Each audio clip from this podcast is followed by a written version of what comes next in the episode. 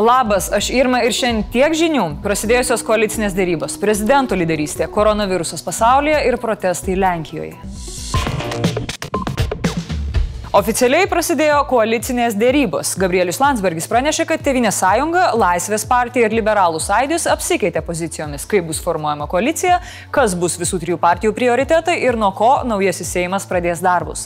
Laimėtojo lyderis sakė, kad jie reikės partijos susitiks ir per Zoomą. Jau dabar aišku, kad liberalai sieks sumažinti gyventojų pajamų mokestį iki 15 procentų ir skirti daugiau dėmesio ekologijai. Laisvės partija nori skirti 3 procentus BVP mokslų ir tyrimams, padėti įmonėms plėstis mažinant mokesčius, taip pat mažinti biurokratiją ir kišimas į verslą. Tačiau skirtingai nei liberalai siūlo ne mažinti GPM, bet bent jau jo nedidinti. Tuo tarpu Tevinės sąjungai Lietuvos krikščionims demokratams teks sunkus uždavinys ne tik įgyvendinti savo programą, bet dar ir suderinti savo interesus su dviem liberaliomis partijomis. Tiek Laisvės partija, tiek liberalai sieks tos pačios lyties partnerystės įteisinimo, o čia jiems gali tekti susiremti špagomis su krikščioniškuoju konservatorių flangu. Tiesa, visa trijulė vieningai sutarė, kad reikia skirti daugiau dėmesio švietimui.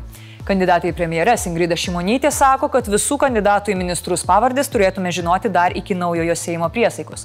O Gabrielius Landsbergis tikisi bendro trijų partijų koalicinio dokumento kitos savaitės pradžioje. Bet tai kaip smagu Gabrieliu taip dažnai girdėti. Atrodytų, kad tarsi prieš rinkimus specialiai pasislėpęs, gal, gal kažkur dingęs buvo. Lietuvoje turime dar vieną COVID-19 antirekordą - 950 naujų atvejų ir 6 mirtys. Specialistai sako, kad tai tikrai neriba, situacija ligoninėse irgi prasta. Santaros klinikose užimta didžioji dalis koronaviruso pacientams skirtų lovų, o kitose Lietuvos ligoninėse daugiau nei pusė. Todėl mūsų prezidentas ėmėsi lyderystės. Jis paskelbė, kad steigia sveikatos ekspertų tarybą. Gitanas Nausėda susitiko su, kaip jis pats teigia, geriausiais sveikatos ekspertais ir pasakė, kad nors turime krizės valdymo darinį vyriausybėje, tačiau jo jo nepakanka. Jo patarėjas Simonas Krepšta patikslino, kuo šis naujasis darinys skirsis nuo verygos valdomo. Šiuo metu Lietuvoje nėra vieno darinio, kur būtų apjungtas pakankamai didelis ratas ekspertų ir jie dirbtų tiek nuo duomenų analizės vertinimo, kaip tas virusas plinta ir kur jisai plinta, taip pat perinant į visuomenės veikatos priemonių taikymo sritį, kokios priemonės yra pačios efektyviausios, kas pasiteisino kitose šalise ir baigiant būtent gydymo įstaigų ir ligonių gydymo klausimais. Dabar, pasak prezidento, bus geriau girdimas ekspertų ir medikų balsas. Tiesa, tai laikinas sprendimas. Jo ekscelencija sakė, kad taryba šalia prezidentūros veiks tik tol, kol naujoji valdžia į savo rankas perims valstybės valdymą. Tada jie patys spręs, ką daryti toliau. Ačiū prezidentė. Gitanai, pagaliau, seniai reikėjo. Virusas itin sparčiai plinta visoje Europoje. Prancūzijoje, kur trečiadienį buvo pranešta apie daugiau nei 36 tūkstančius naujų atvejų ir beveik pustrečio šimto mirčių, jau nuo rytojaus įvedamas karantinas. Namus palikti gyventojai galės tik dėl svarių priežasčių, tokių kaip darbas, sveikatos klausimai ar sportas.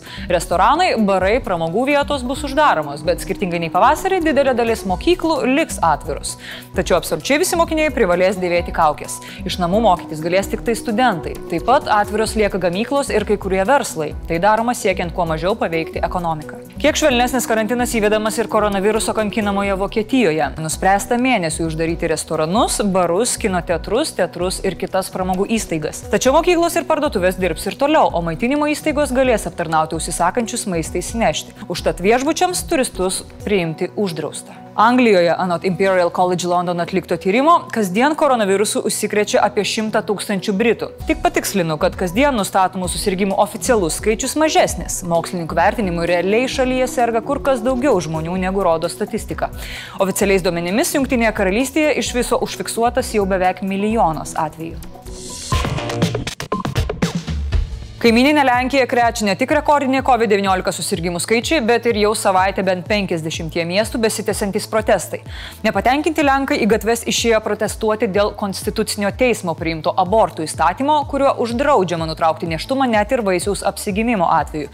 Tai reiškia, kad abortai lieka legalūs tik tai iš prievartavimo ir incesto atvejais arba tada, kai vaisius kelia pavojų gimdyvės sveikatai. Oponentai sako, kad pavojų moterų gyvybėms kelia būtent šis teismo sprendimas. Įstatymo šalininkai argumentuoja, argumentuoja, kad taip stabdys abortus, kai vaisiui nustatomas Dauno ar kiti sindromai. Valdančiosios koalicijos lyderis ir neseniai vicepremjeru tapęs Jaroslavas Kačinskis antradienį Facebook'e protestus išvadino prieš bažnyčią nukreiptų nihilizmu ir pažadėjo juos numalšinti.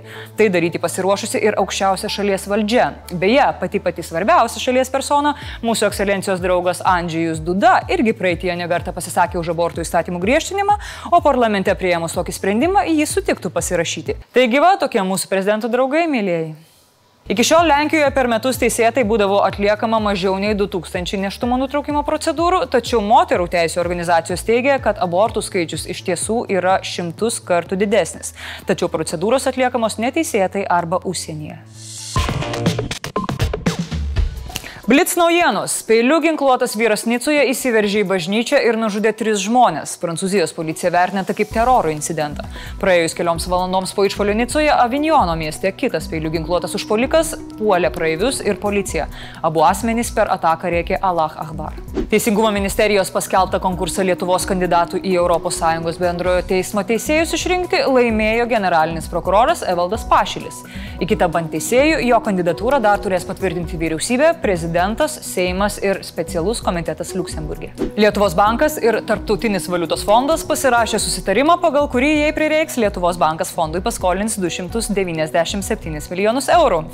O dar buvo sakančių, kad Lietuva turi skolintis iš TVF.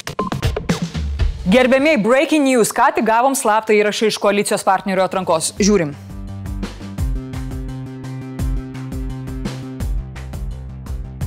Ačiū, kad žiūrėjot, kitą savaitę su jumis bus Timūras, o aš sakau tiek žinių.